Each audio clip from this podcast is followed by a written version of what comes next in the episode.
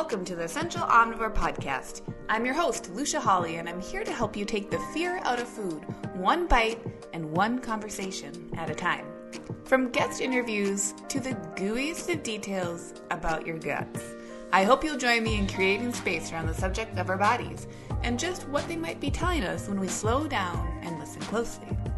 Remember that the information provided within this podcast is for general information and educational purposes only and does not provide medical advice, professional diagnosis, opinion, treatment, or services to you or any other individual. Hey everyone, welcome to another episode of the Essential Omnivore podcast. I hope your week is going great. Mine is going really well. It's been super busy. This episode is actually coming out a day later than intended. I've been sticking to releasing episodes on Thursdays, and this is coming out on a Friday, and I'm recording it the day of Who Am I Even? Uh, for no reason other than lots of good, fun stuff happening and just needed to shuffle. And that's the beauty of a podcast is that you can be a little flexible if needed. Or it's the beauty of my podcast. Let me rephrase that. Today, I'm talking about my top six tips for how to sleep better tonight. So, for those of us who are out in the world listening, maybe it's you, maybe it's a loved one, maybe it's a coworker who always comes into the office and can't chat until they've had their second or third cup of coffee. Go ahead and share this episode if anything resonates with you and you think the information is helpful. So, it's going to be a quick run through, and obviously, listen, sleep sleep is real important. Do we not know that yet? sleep is super, super important. And that being said, there are so many individual reasons why someone's sleep may be feeling off. And there are different ways that sleep can feel off, right? So we could have issues falling asleep, we could have issues staying asleep. Or we could have issues waking up too early or feeling like the total amount of sleep we get isn't enough, it isn't restful, or maybe the phases of sleep that we're experiencing, that light sleep, deep sleep, REM, REM sleep, that those may not be in the proportions that we would find to be ideal. We also might have things that are occurring in our lives that change how we can be sleeping. So maybe you have little kiddos or you have family members that you need to care for during the night that need your support. Um, maybe you work shift work, right? So maybe you're working late into the night or you work through the night and your sleep is during the day. Maybe you are having to confront having a rhythm that is different than our kind of more natural human rhythm, circadian rhythms. So, you know, being up with the sun and being asleep when it's dark outside. So, I offer these six ideas and these six tips knowing that everyone has a different reason why they may not be sleeping super well. So take these, if they apply, all of them are easy. And easy is also a word that we could unpack. So I don't mean easy as in like, oh, you should have you should have always been doing it this way. But they're little tweaks and shifts that we can apply if we desire. There are they're nothing that is super groundbreaking. It's not going to take a whole lot out of your life to try out one or two or even all six of these. And that being said, obviously if you have a medical condition that is affecting your sleep, then I always encourage you to go seek out a medical practitioner and a medical practitioner that is really knowledgeable because listen, you deserve sleep. You deserve to be well rested. And you deserve to understand that while there might be periods of your life where sleep is less accessible, or really, really restful, nourishing sleep is less accessible, when it is there for you, I want you to know that, like, it's your right. it is your right to sleep well, just like it's your right to be nourished, just like it's your right to enjoy your life. Sleep is so important for so many different reasons that I can't even get into them on this episode, but I'll put some I'll put some good links in the show notes. So if you don't readily uh, or typically access the show notes, go ahead and do that because there's always some good information and some good nuggets in there. So let's jump into my first tip for how to sleep better tonight. First tip, take out the blood sugar crashers or as they can otherwise be known, the blood sugar dysregulators. Now, our blood sugar regulation is hugely, hugely, let me say that one more time, it's hugely tied into how we sleep. So, for the average person who's eating more of a standard American style of eating, so higher in refined carbohydrates, maybe the foods that are very high in those carbohydrates are not full of nutrients, so it might be nutrient depleted diet with an emphasis on carbohydrates. What can be happening is that we have this thing called our blood sugar. and our blood sugar levels fluctuate throughout the day. Typically, when we're eating a meal, our blood sugars rise a little bit afterwards and then they move back down. But if you want a visual, our blood sugar levels should be moving like a gentle wave. There's soft peaks and soft valleys throughout the day, and they kind of bob up and they bob down depending on when we're eating food and after food. There's nothing that's very severe.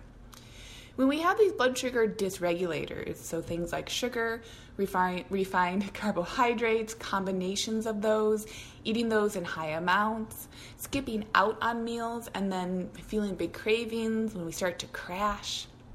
Have you ever have felt that, like two or three o'clock? You don't feel so great, and you feel like you have to reach for a bar of chocolate, you have to reach for something to help wake you back up that can be a sign of a blood sugar crash, of a bit of a hypoglycemic experience. Now, understand when I'm talking about blood sugar levels, I'm not going to be describing the blood sugar differences and what's occurring for people who have either type 2 diabetes or type 1. And remember that type 1 is an autoimmune disease, type 1 diabetes, and type 2 is more so a lifestyle disease. So, for people who have either of those types of diabetes, they need to have different considerations when they're looking at how they can support blood their own blood sugar levels. But for general population, getting our blood sugar levels to become more of the gentle waves versus what is happening with the blood sugar crashes where we have high highs, we have big peaks like big old mountains, and then we have big valleys, we have big crashes. And our gentle waves become more accentuated they're more acute. they get real high and then they get real low. And during the day, not only is this an uncomfortable process, when we have a blood sugar high, we can feel we can feel energized, but it can be a bit of a like a wired energy versus like a, a more natural, consistent energy. So sometimes we can feel, I'm using air quotes, good during a blood sugar high, but unfortunately, we can also then crash after those highs. So I like to tell people whenever you have a blood sugar high, you're going to expect to have a blood sugar low. And those blood sugar lows, when we experience them during the day, are also really uncomfortable. That's where we can be feeling hangry, we can get irritable, we can feel more nervous, we can feel more anxious, we can feel like we can't think. We might start sweating a bit, our eyesight might get a little bit blurry and the remedy when we're in those blood sugar lows and the reason that we feel big cravings is because our body's trying to protect us because dipping into blood sugar low territory is a stressful stressful place and it's a stressor. I'm trying to say both of those. It's a stressful stressor for our bodies. So our bodies are going to do what they can to protect us and keep us out of blood sugar lows, which is why you feel drawn to reaching for a cookie or a granola bar or that vanilla latte or what have you, especially in that afternoon. That's when it occurs for a lot of people. But blood sugar crashes can happen during any time of the day, depending on when your food is being inputted. you can think of it as kind of an output. So, that's what's happening during the day when our blood sugar levels are dysregulated.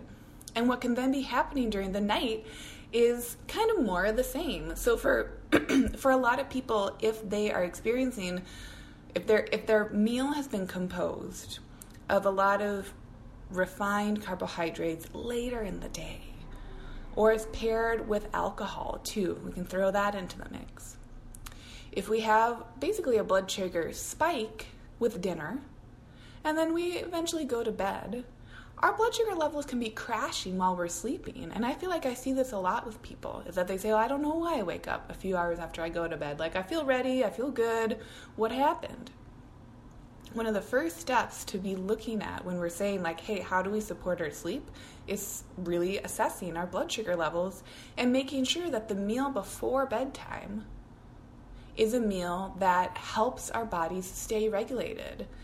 And initially, it can feel tricky, right? It can feel really crummy when you're shifting away from a style of eating that's so high in those refined carbohydrates because you do experience, you're basically breaking the cycle of the highs and lows. And the very beginning of that cycle break can be tricky because your body's like, well, what the heck? What's going on? But if you can offer that to yourself, even for three to five days, and what that looks like is shifting our plates. This is my this is my like super low down, dirty version of how to build a plate. You're looking at four things for balanced blood sugar levels, okay? You're looking for at least one cup of a non starchy, colorful vegetable on the plate. You're looking for three to four ounces of some sort of complete protein. You're looking for at least a tablespoon or two total of fat, whether that's in something um, like a quality oil, whether that it like coconut oil or butter or ghee, whether that fat is has been like placed in a pan to cook the protein, whether that's like the skin on a chicken thigh or half an avocado, what have you, but you're looking for a source of fat. And then you're also, for a lot of us, those three focuses are all we need initially. But for most of us, for lifestyle and long term, we then need to incorporate a form of carbohydrate that is not just a starchy vegetable, or excuse me, it's not just a non starchy vegetable. We need to be including something that is a starch. And so for most people, I like to recommend that they do incorporate a starchy vegetable. Okay, catch my drift? So we have one cup of a non starchy, and then we have at least, you know, around like maybe half a cup of a starchy vegetable. So of a potato, of a different type of squash, of beets or rutabaga or turnip or plantain, or maybe a serving of fruit something where we're getting carbohydrates that are a little bit more readily accessed because we don't need to fear carbohydrates in order to regulate our blood sugar levels. We just need to make sure that they're coming in as much as possible in their whole package because our bodies know what to do with those carbohydrates. We know how to use blueberries. We know how to use white potatoes we know how to use them. And they are coming in with water and other nutrients in addition to the carbohydrate alone. So they're really they're going to have a tough time spiking our blood sugar levels in the way that more refined carbohydrates do.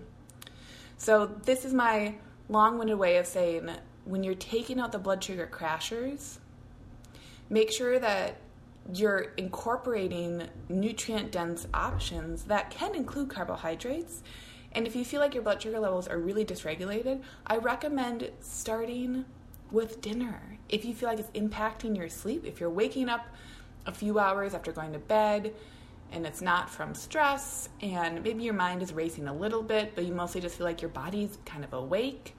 If you feel like you're sweating a little bit, like basically if you feel like you're waking up and your body is a bit stressed out, that could be an indication that the blood sugar levels are crashing and it's that physiological stress that your body's experiencing. Okay, so that's tip number one. Tip number two magnesium. Making sure that we're eating enough magnesium and that we're keeping our magnesium stores appropriately filled in our bodies.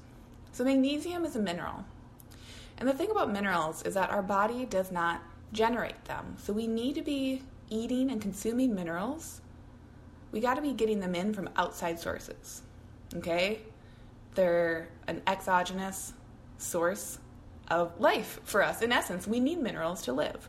So, magnesium is one of our macro minerals, and minerals can kind of come in pairs, that they can work synergistically. So, magnesium and calcium are a pair, and I think we hear a lot about calcium, right? We need to eat calcium for strong bones. Uh, don't, well, here's a double negative don't not eat dairy.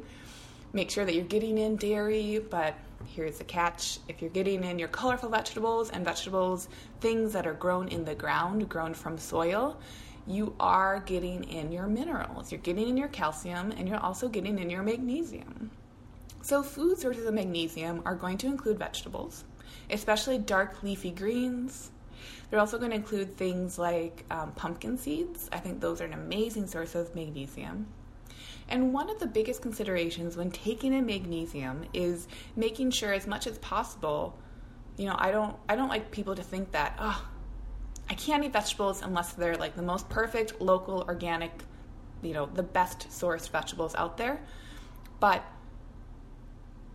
the mineral density of vegetables that are grown in soil where the farmer or the person in charge has been considerate of how nutrient rich that soil is, that is directly going to impact how many minerals are within the vegetables themselves.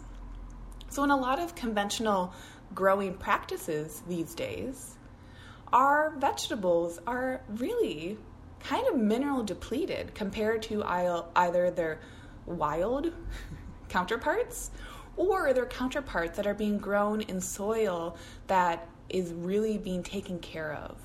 So, this is where I do think it's important, as you can, if you're able to, to make a connection with local farmers or local growers or just a, a grocer that is carrying local products.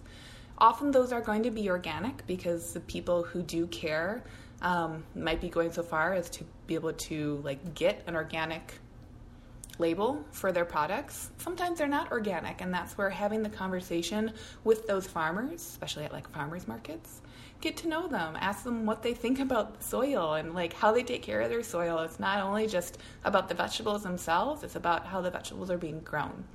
So that's my, you know, two cents on making sure that the quality of a vegetable is being taken into consideration because that is directly going to impact the minerals that we get from that vegetable and magnesium is a mineral. Magnesium is the mineral that, in essence, I like to think of calcium helping our muscles to contract and stay tight. It's awesome, right? We need to be able to contract our muscles, engage that, and recruit that strength. But magnesium helps our muscles relax. And so, for someone who's experiencing, let's say you have menstrual cramps, a lot of people find that magnesium helps their body have fewer menstrual cramps because their muscles can relax more fully. So, even though there's that cramping motion that's occurring, typically our calcium levels are okay, so they can cramp, but magnesium levels might be lacking, so they stay cramped instead of recognizing that they can relax more fully. So, magnesium is helpful for sleep because it's physiologically relaxing, right? It helps our muscles relax, period. And it's also neurologically relaxing. It's helpful for our body's electrical system. It's helpful for our brain and our neurotransmitters.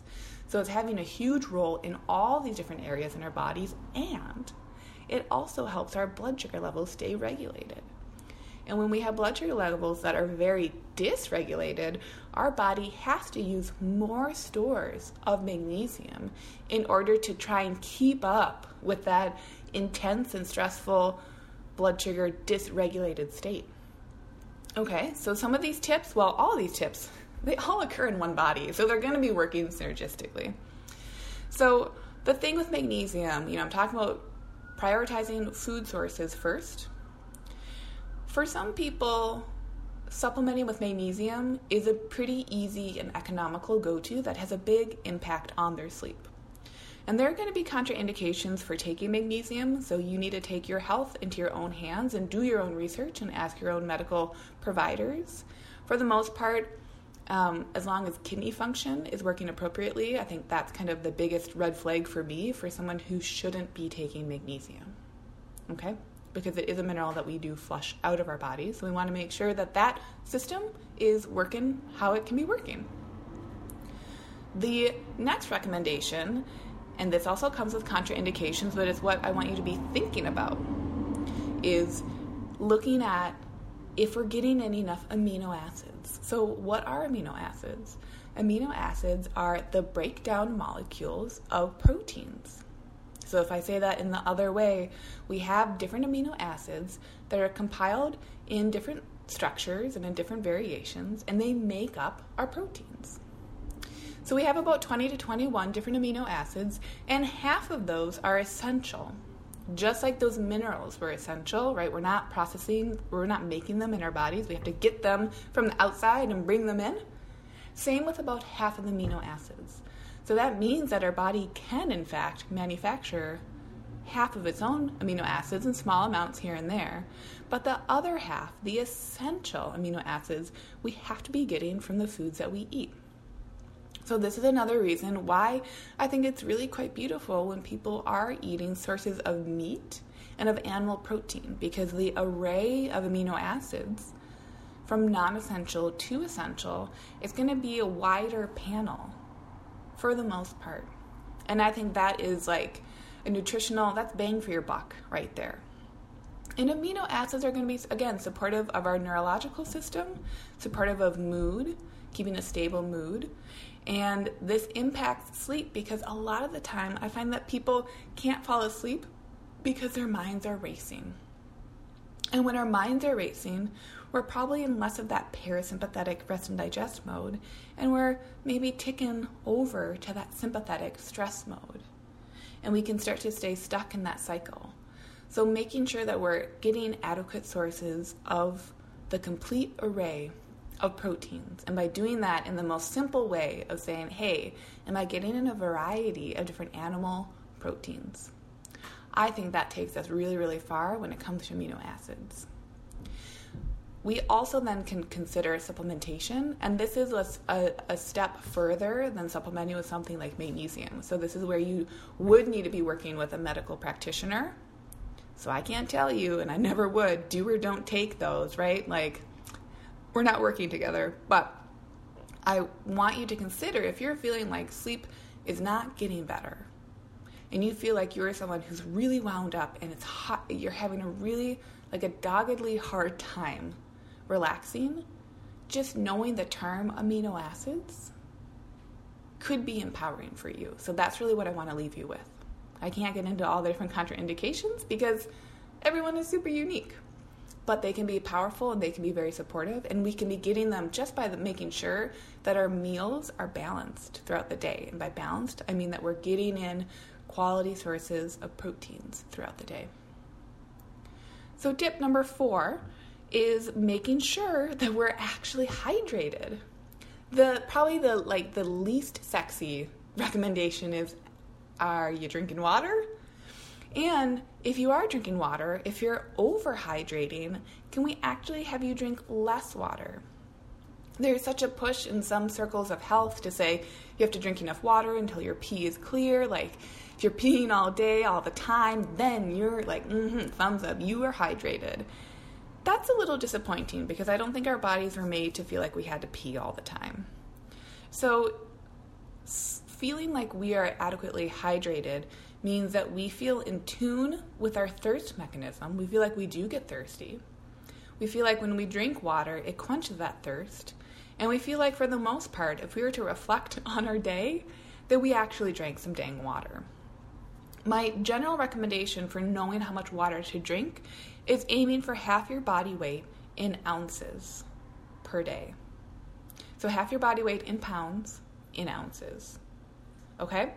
So, that includes having that calculation go up to about 128 ounces, which is a gallon. So, I wouldn't recommend that people keep using that recommendation if it were to equal out something over 128 ounces.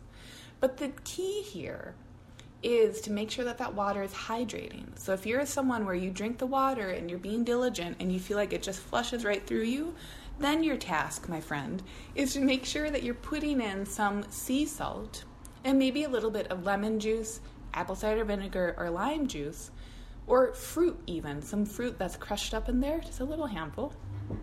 Make sure that you're getting those into your water to ensure that that water can hydrate you. An electrolyte solution actually includes things like sodium, potassium, and magnesium. Those are those are all minerals, which we were talking about before with you know Mr. Magnesium. So once we include those in our water, that can help our bodies pull the water more fully into our cells and into our body versus it not being as hydrating and simply flushing through us. So those small tweaks can make a difference. Other ways that we can ensure that we're hydrated is making sure that we're eating enough fresh fruits and vegetables.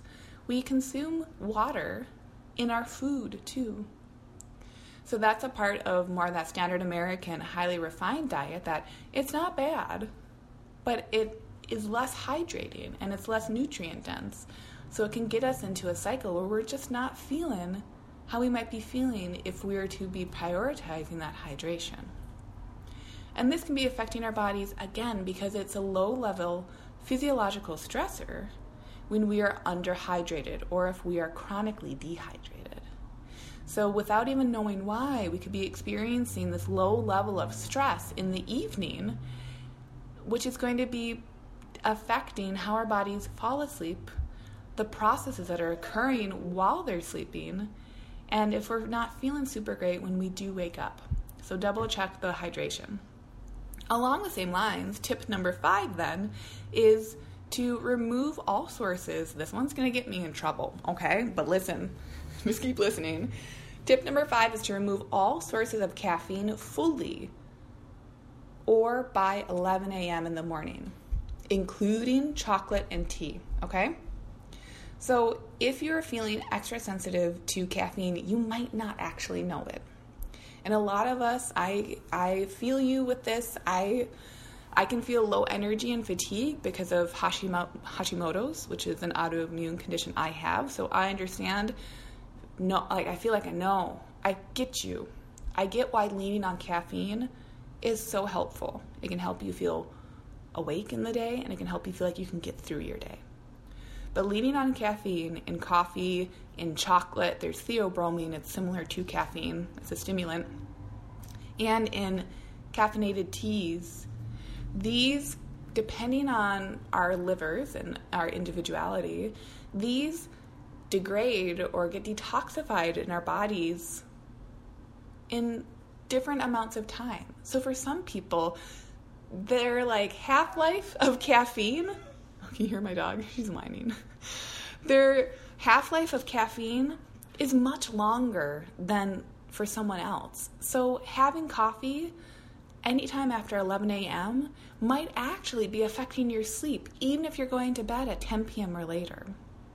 Even if you're not a super early bird, well, when it comes to bedtime, if you don't go to bed super early, your morning coffee could still be affecting you, even if you're a night owl. Or especially if you're a night owl. If you're someone where you feel like you wake up later in the day once, you know, the sun has set and you feel like you get that second wind, that could be an indication that your adrenal system is coming into play to give you enough energy. And our adrenal system, ideally, it's great, we have them, we need them.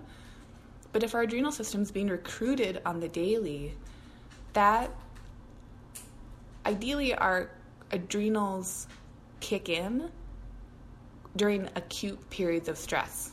So, chronically recruiting adrenal system is here we go again, another stressor. Do you catch what is bringing everything together? Everything that's coming together is that we might be experiencing either emotional stress or physiological stress. So we're always, always coming back to how can we be managing our stress? How can we re- how can we be recruiting tools that help us either release stress or not be as engaged in stress? Okay? So, taking the caffeine out, if you feel like you can't get through your week without caffeine, this is where I might be a bit of a hard ass. And I would say, okay, it's time for you to practice slowly removing caffeine from your life. And then reintegrating it in ways in which you choose instead of it choosing you, because it can be quick and a little bit of a sick cycle where we start to feel like we can tolerate caffeine more and more, but really we're still in its clutches. So, feeling like you can remove caffeine fully and then reintegrate it in ways that best serve you. So, maybe you love caffeine on the weekends with friends, or maybe you love your morning cup and it's part of a routine that you really enjoy before you start your day. All of this stuff is great and it can be really helpful, but if caffeine or theobromine in the chocolate, if those are affecting how you sleep, that does need to be a priority because it won't be serving you in the long term and it will be continuing to engage your body in a cycle of stress. And then my last tip, and this is maybe just as sexy as the water hydration one or the caffeine. I mean, come on. Tip number six is treat yourself like a kid make a wind down routine and stick with it. So often, I find that as adults, we're not really giving ourselves the consideration that maybe was given to us when we were growing up. And maybe it also wasn't given to us when we were growing up as well. Maybe we grew up where there wasn't a sleep schedule or there wasn't someone looking over what our sleep was like. So maybe this is a completely new tool that we're offering to ourselves. But being able to spend an hour or so before bed where the lights are low, we're, we're preparing ourselves to be in this different mode of sleep and slumber. We're off of our screens. We're low light, like I said, so screens are included in that light. We're talking with our partners, or we're reading books, or we're getting ready for the next day. Maybe we're doing a little aromatherapy. We're putting some lavender out there so we can start to associate a calming smell with a calming routine. If we can give our body some structure on the daily, if we can have a pretty similar bedtime each night, or similar on weeknights, and then maybe a little bit different on weekends, but for the most part, pretty much the same thing. When we start to offer that to ourselves, our bodies can fall into routine. And when we fall into routine, again, that takes some stress away from our brains, even if we didn't realize that we were stressed out about not having a wind down routine. This routine can look totally different depending on what actually feels good for you. So I don't want to be super prescriptive about it. Maybe you take a night shower, maybe you take a bath, maybe you do the aromatherapy, maybe you read a book, maybe it's just getting the dishes done so that you don't have to think about them the next day. Maybe it's doing a little bit of like getting any leftovers ready to have for lunch the next day. It's any sort of caretaking for yourself or for your family or as a family unit or, you know, however that shakes out, that feels like it is showing to you and yourself that there is a change coming and you are ready and you are expecting and respecting that change. And what is that change? That change is sleep. That's a very different experience than running at 100% Energizer Bunny all day, every day, and then crashing into bed at night and just expecting for sleep to take over. We got to remember, we're in we're in tender, delicate human bodies. And as much as we are complete and total badasses and we are powerhouses, we're also creatures. And we're creatures that grew up with habits and routine and cycles and rhythms. So if we can offer ourselves an evening rhythm, I think that actually takes a lot of us super, super far when it comes to sleep and wellness. So, those are my six tips. Let me go through them one more time. Number one, take out the blood sugar crashers. Number two, look at magnesium intake. Number three, look at amino acids, aka meats that we're eating and protein. Number four, making sure that we are adequately hydrated and consuming water. Number five, we're being mindful of our caffeine intake either by removing fully or by discontinuing by 11 a.m., including chocolate. And number six, offering ourselves a wind down routine and really treating ourselves like kiddos. Make sense? Yeah? Great. That's your homework. Try one of those. Try all six. Try offering yourself sleep. It might not be perfect. You still might have to get up with the kids every night. But if there is one thing that sparked interest for you, try that out this week. See what you think. And then shoot me a message. Let me know. I always want to hear from all of you. What's it like? Leave a comment on the blog. Find me on Instagram. I'm Essential Omnivore over there too shoot me an email, lucia at essentialomnivore.com. There's so many ways that we can be talking, and I want to be here to, you know, to support you. So try out one of the ideas, or all six, or a few. Give it a go and see what resonates. And I'd love to know what your wind down routine is like. What are those practices that really help you feel like your body is ready to shift modes by the time you hop in bed and turn the lights off? What are those? You get to decide, and that's really, really cool. So I'll catch you next week on the next episode, and thanks for being here.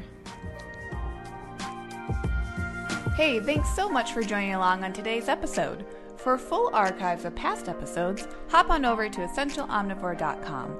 or subscribe to the Essential Omnivore podcast on Apple Podcasts or Stitcher.